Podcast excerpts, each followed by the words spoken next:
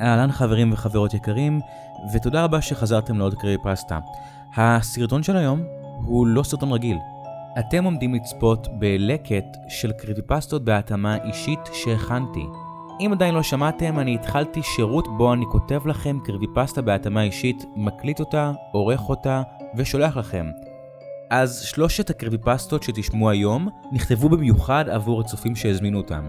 הם בחרו את האווירה, את הגיבורים, את המיקום, את סוג הסוף ועוד כמה אלמנטים. ואני, אני נתתי את היצירה, את הנשמה, את אפקט הפחד שאני יודע לתת בסיפורים שלי. חשוב היה לי להגיד את זה לפני שאנחנו עוברים לסיפורים. כי אמנם מדובר פה בכתיבה שלי, אבל אני כותב עבור מישהו אחר. וזה הולך להיות מעניין. ואם אתם גם מעוניינים בקריבי פסטה בהתאמה אישית, כנסו ללינק הראשון בתגובות ותזמינו. אני אומר מראש שזה מחיר יחסית לא זול, וזו מהסיבה הפשוטה שאני נותן את כל הנשמה שלי בקריבי פסטות האלה. לכן חשוב לי גם לתמחר את זה כהוגן, ואני בטוח שתבינו את זה. אז בואו נעבור לקריבי פסטה הראשונה שכתבתי עבור הצופה יאיר, והשם של הסיפור הוא ההיעלמות המסתורית של יאיר. האזנה נעימה. כשיאיר ויואב עברו לניו יורק עם האהבות שלהם, הם לא ידעו מה מצפה להם.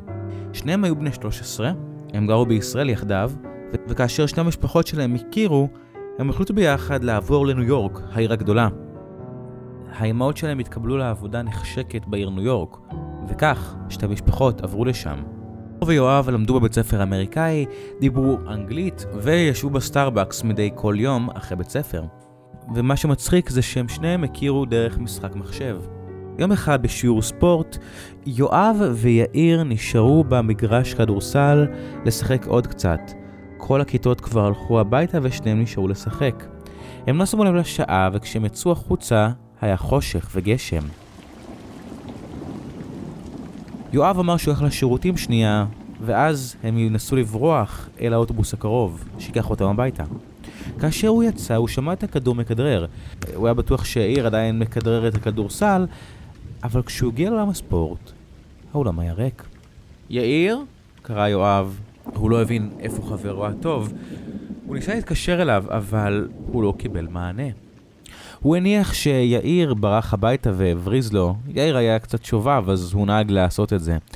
הוא יצא החוצה בגשם והגיע הביתה. בגלל שהמשפחה של יואב גרה בסמוך למשפחה של יאיר, הוא הגיע באותו הערב לבית של יאיר, כאשר ההורים שלו שאלו אותו את אותה שאלה. איפה יאיר? יואב המבולבל היה בטוח שיאיר חזר הביתה, אבל ההורים שלו מעולם לא ראו אותו חוזר. מכאן המצב רק הסלים. ההורים של יאיר פנו למשטרה, גם ההורים של יואב עזרו, והחלו חיפושים רבים ברחבי העיר. יאיר לא נצפה במשך שבוע. אף אחד לא יודע איפה הוא. הסתכלו במצלמות האבטחה, אבל משום מה, באותו לילה גשום שהם שיחקו כדורסל, מצלמות האבטחה פשוט לא עבדו. יואב האומלל לא ידע מה לעשות, הוא היה עובד עצות. הדבר היחיד שהיה לו מזכרת, זה היה אותו כדור איתו הם שיחקו, איתו הם שיחקו בלילה שיאיר נעלם. לילה אחד, יואב ישב בחדרו והסתכל על הכדור, ולפתע היה לו רעיון. הוא לקח מתוך המגירה אור אולטרה סגול שאביו קנה לו פעם ליום ההולדת, והעיר על הכדור. והוא שם לב להמון טביעות אצבע.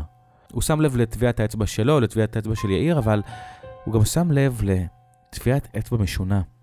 הרבה יותר גדולה ומעוותת משלהם, משל בני אדם. הוא החליט לקחת את הכדור למשטרה, להראות להם שאולי זה קצה חוט. הרי באותו לילה שהוא נעלם הוא שמע את הכדור מכדרר. אולי מישהו חטף את יאיר. יואב הגיע לתחנת המשטרה והביא להם את הכדור. הם בדקו את הטביעות אצבע, ואכן באמת גילו שטביעת האצבע שייכת לאדם. אדם גדול. לפי נתונים של המשטרה, והיו מעט כאלה, לאדם קראו פיטר רוטשילד. לא הייתה להם תמונה שלו במאגר המשטרתי משום מה, ולא היה לו עבר פלילי, אבל פיטר רוטשילד היה בן 46. גובהו היה 2 מטר. יואב חשב לעצמו שהוא בכיף היה יכול להצטרף לקבוצת הכדורסל של בית הספר שלהם, אם הוא לא היה מעורב באותו תקרית שבה יאיר נעלם. פיטר רוטשילד, חשב לעצמו יואב. איך אני מוצא אותו? הוא החליט לעשות מעשה נועז.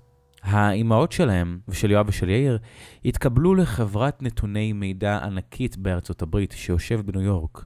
יום אחד הוא ביקש מאימא שלו לבוא איתה לעבודה, וכאשר שתיהן יצאו להפסקה, הוא נכנס למאגר נתונים וחיפש את הכתובת של פיטר רוטשילד. למרבה ההפתעה, הוא מצא. הוא גר במחסן בסוף העיר. יואב החליט לא לספר את זאת לאף אחד, והלך לחקור בעצמו. באותו הלילה, הוא הגיע לאותו מחסן רעוע ונטוש. היה נראה שאף אחד לא גר שמה. הוא התקרב למחסן, ושם לב שהוא נעול. הוא ניסה להקשיב, לשמוע מה יש בפנים. הוא לא שמע כלום. לפתע הוא מצא פרצה בגדר, ונכנס אל תוך המחסן. במחסן הוא נחרד לגלות אלפי גופות של ילדים קטנים, בערך בגילו ובגילו של יאיר. What the fuck, יאיר אתה פה? יאיר! לפתע הוא שמע מלמול. יואב? הוא הגיע לחדר ובו הוא ראה, הוא ראה את יאיר קשור עם כולו למיטה. הוא מיד שחרר אותו ואמר, יאיר, מה קרה? יואב, סוף סוף הגעת, אבל תקשיב, אנחנו חייבים לברוח מפה, הוא תכף יבוא. לפתע, יואב שמע צעדים מאחוריו.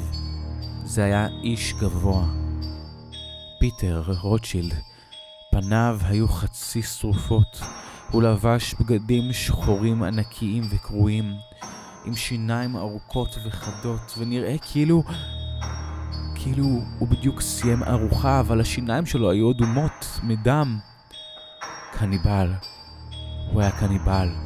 יואב עזר ליאיר ללכת ושתיהם רצו משם לפני שהבחור הספיק לרדוף אחריהם. הם יצאו מהמחסן והגיעו למשטרה. תחנת המשטרה שלחה ניידות לאותו מחסן, אבל פיטר מעולם לא נמצא. רק את הגופות של הילדים המסכנים שהוא אכל. באותו לילה יאיר חזר הביתה. יואב הוכתר כגיבור העיר, ושניהם חיו באושר ואושר עד אתמול בלילה. אתמול בלילה יואב עשה מסיבת פיג'מות והזמין את יאיר, וכששניהם ניסו להירדם, יואב קם לפתע, מניקיש אותה לחלון. לא היה שם כלום, אבל הוא ראה בסוף הרחוב צללית גבוהה, הצללית של פיטר רוטשילד, מחכה לחטוף את הקורבן הבא.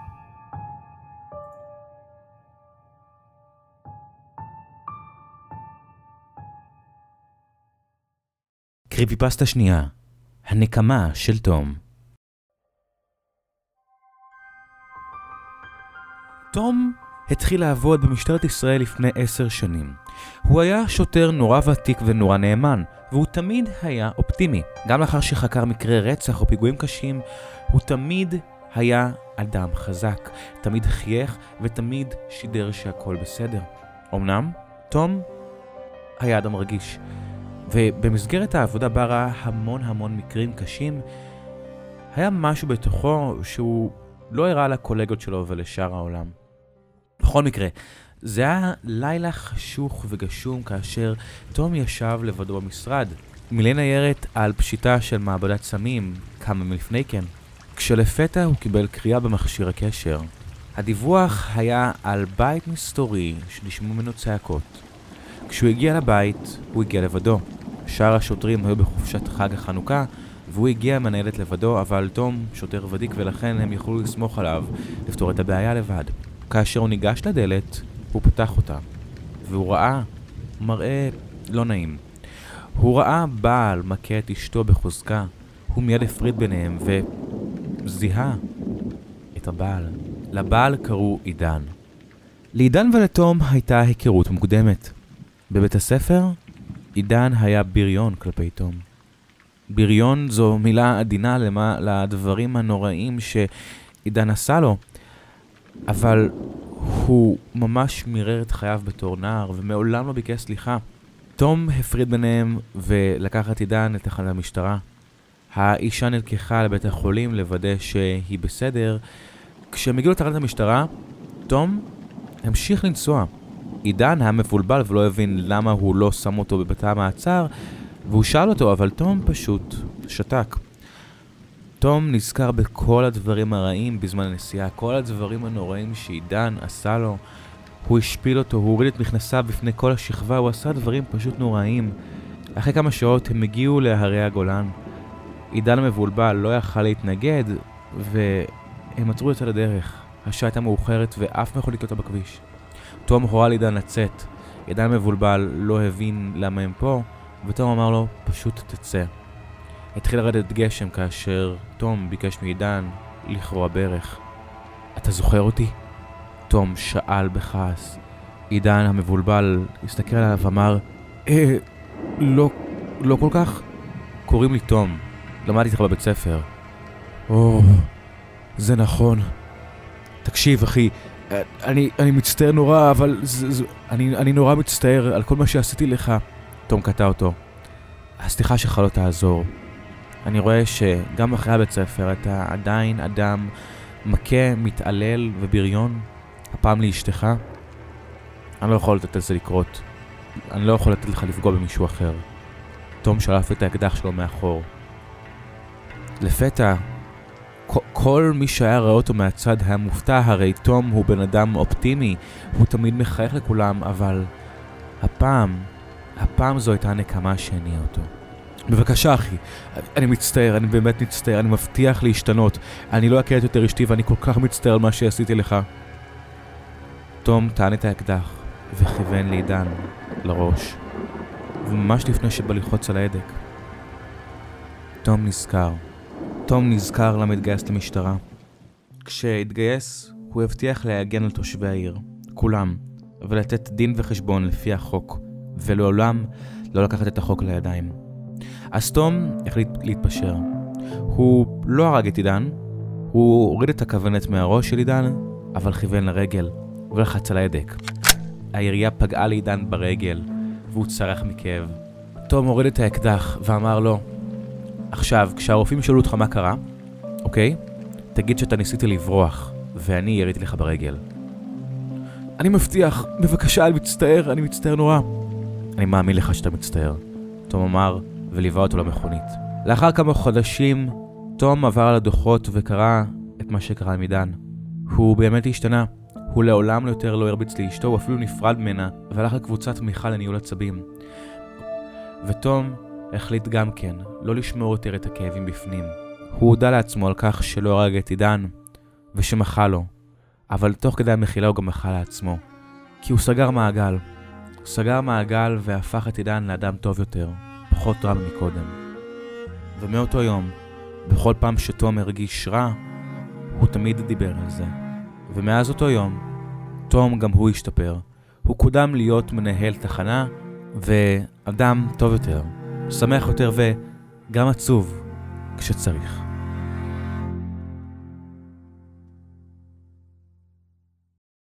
קריפיפסטה שלישית החדר אליו נשלחים ילדים רעים.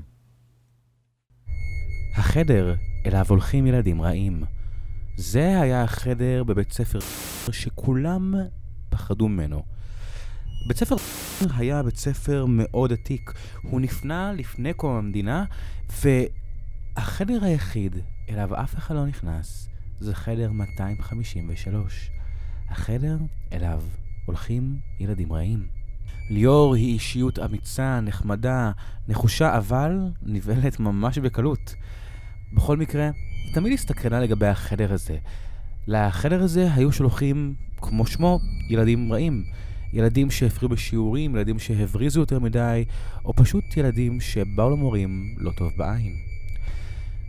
היות וליאור היא תלמידה מחוננת, היא לעולם לא הייתה קרובה אפילו להישאר לשם, אבל היא החליטה לחקור כי היא גם הייתה סקרנית. היא לקחה את עמרי, אחיה, ואת הכלבה שלהם, קנדי, לחקור את החדר הזה. הם ידעו שביום המורים לא ייתנו להם להיכנס פנימה. אבל בלילה, בלילה אין אף אחד, ואין שמירה על החדר הזה. החדר היה נעול במפתח, והמפתח היה בחדר המורים. השעה הייתה 11 בלילה. ליאור ועמרי הגיעו לגדר. הכלבה קנדי נשארה לשמור. שניהם טיפסו על הגדר ועקפו אותה ונכנסו לתוך הבית ספר. הם הלכו בשקט. ליאור החזיק את הפנס ועמרי החזיק מצלמה, כדי לתעד מה יש שם. הם עלו לקומת חדר המורים. המסדרון היה חשוך וקריפי. היה מפחיד לראות את הבית ספר כאשר הוא ריק. ליאור נכנסה לחדר המורים בשקט בשקט, והגיעה לתיבת המפתחות. היא אינה בין המפתחות עד שמצאה את המפתח לחדר 258. הם יצאו מחדר המורים כאשר ליאור סימנה לעומרי להדליק את המצלמה ולהתחיל להקליט. הם ניגשו מול החדר. ליאור הכניס את המפתח. הדלת הייתה כבדה, כאילו הרבה זמן לא פתחו אותה. הדלת נפתחה לאט לאט, והחדר היה חשוך. קודם כל, לא היו בו חלונות בכלל. החדר היה חסר חלונות וחשוך לחלוטין. אפילו לא הייתה מנורה. ליאור האירה עם הפנס בתוך החדר מבלי להיכנס פנימה. עמרי צילם את הכל. היא לקחה צעד אחד פנימה והפציצה. החדר היה כל כך חשוך שאפילו הפנס שלה לא הצליח להאיר את קצהו. היא נכנסה לאט לאט לתוך החדר, תוך כדי שעמרי מחכה בחוץ ומתעד אותה. אחרי שהבינה שאין סכנה מיידית, היא סימנה לעמרי להתקרב. עמרי הפעיל את ראיית הלילה שלו, והם חקרו את החדר. בחדר לא היה כלום. כלום. הם הלכו לאורכו והוא היה מאוד מאוד ארוך, עד שהם הגיעו לקצה. בקצה הם ראו שורת כיסאות שצמודות לקיר, עם הפנים על פני החדר. כל הכיסאות היו שבורים וריקים. נראה כאילו העמידו את הילדים שם וגרמו להם לשבת. עמרי תיעד את הכל. ליאור חיפשה איזה משהו חריג. אני לא מבינה, היא אמרה. החדר הזה אמור להיות חדר עליו נשלחים ילדים רעים, אבל מה קורה להם פה? למה אין חלונות? למה הכיסאות ככה? אני לא מבינה. אולי כדאי שפשוט נצא מכאן, עמרי אמר. פחד עבר בקולו. ליאור ועמרי יצאו מהחדר, סגרו אותו, נעלו, שמו את המפתח בחדר המורים, ויצאו מהבית ספר. ביום למחרת, ליאור ועמרי נפגשו בהפסקה, שוב. זה כזה מוזר, ליאור אמרה. מה קורה בחדר הזה? לא הבנתי מה כל כך מיוחד בחדר הזה. גם אני לא. השמועה שליאור ועמרי נכנסו לחדר האסור התפרסמה מהר בקרב התלמידים. הם ביקשו מהם לראות את הוידאו. הם חזרו הביתה והתכוונו לייצא את הוידאו מהמצלמה כדי לשלוח אותו לכל התלמידים. אבל אז, כשעמרי הפעיל את הוידאו שצילם, הלב שלו החסיר פעימה. התיעוד היה רגיל לחלוטין בהתחלה. היה שקט, רואים בוידאו את ליאור נכנסת לחדר, מאירה מפנס, אבל אז, כשמגיעים לקצה החדר, כשבמציאות הכיסאות האלה היו ריקים, בווידאו הייתה שורה של ילדים, ילדים מוזנחים, נראה כאילו הם מתים, כולם עייפים, עם פנים עצובות, נראה כאילו לא אכלו ימים ושעות. וכולם הסתכלו על ליאור. ליאור האירה על הפנס, לא ראתה אותם באמת, אבל כל הרוחות שלהם פשוט ישבו שם והסתכלו עליה, כאילו רוצים עזרה. ואז כשהם יצאו מהחדר בווידאו, מישהו לחש לתוך המצלמה. תעזרו לנו. ואז הסרטון נגמר. עמרי הראה את הוידאו לליאור והם החליטו לשמור את זה ביניהם. שבועיים אחרי זה, ליאור ועמרי עזבו את בית ספר ולא התקרבו יותר לאותו חדר. החדר אליו נשלחים ילדים רעים.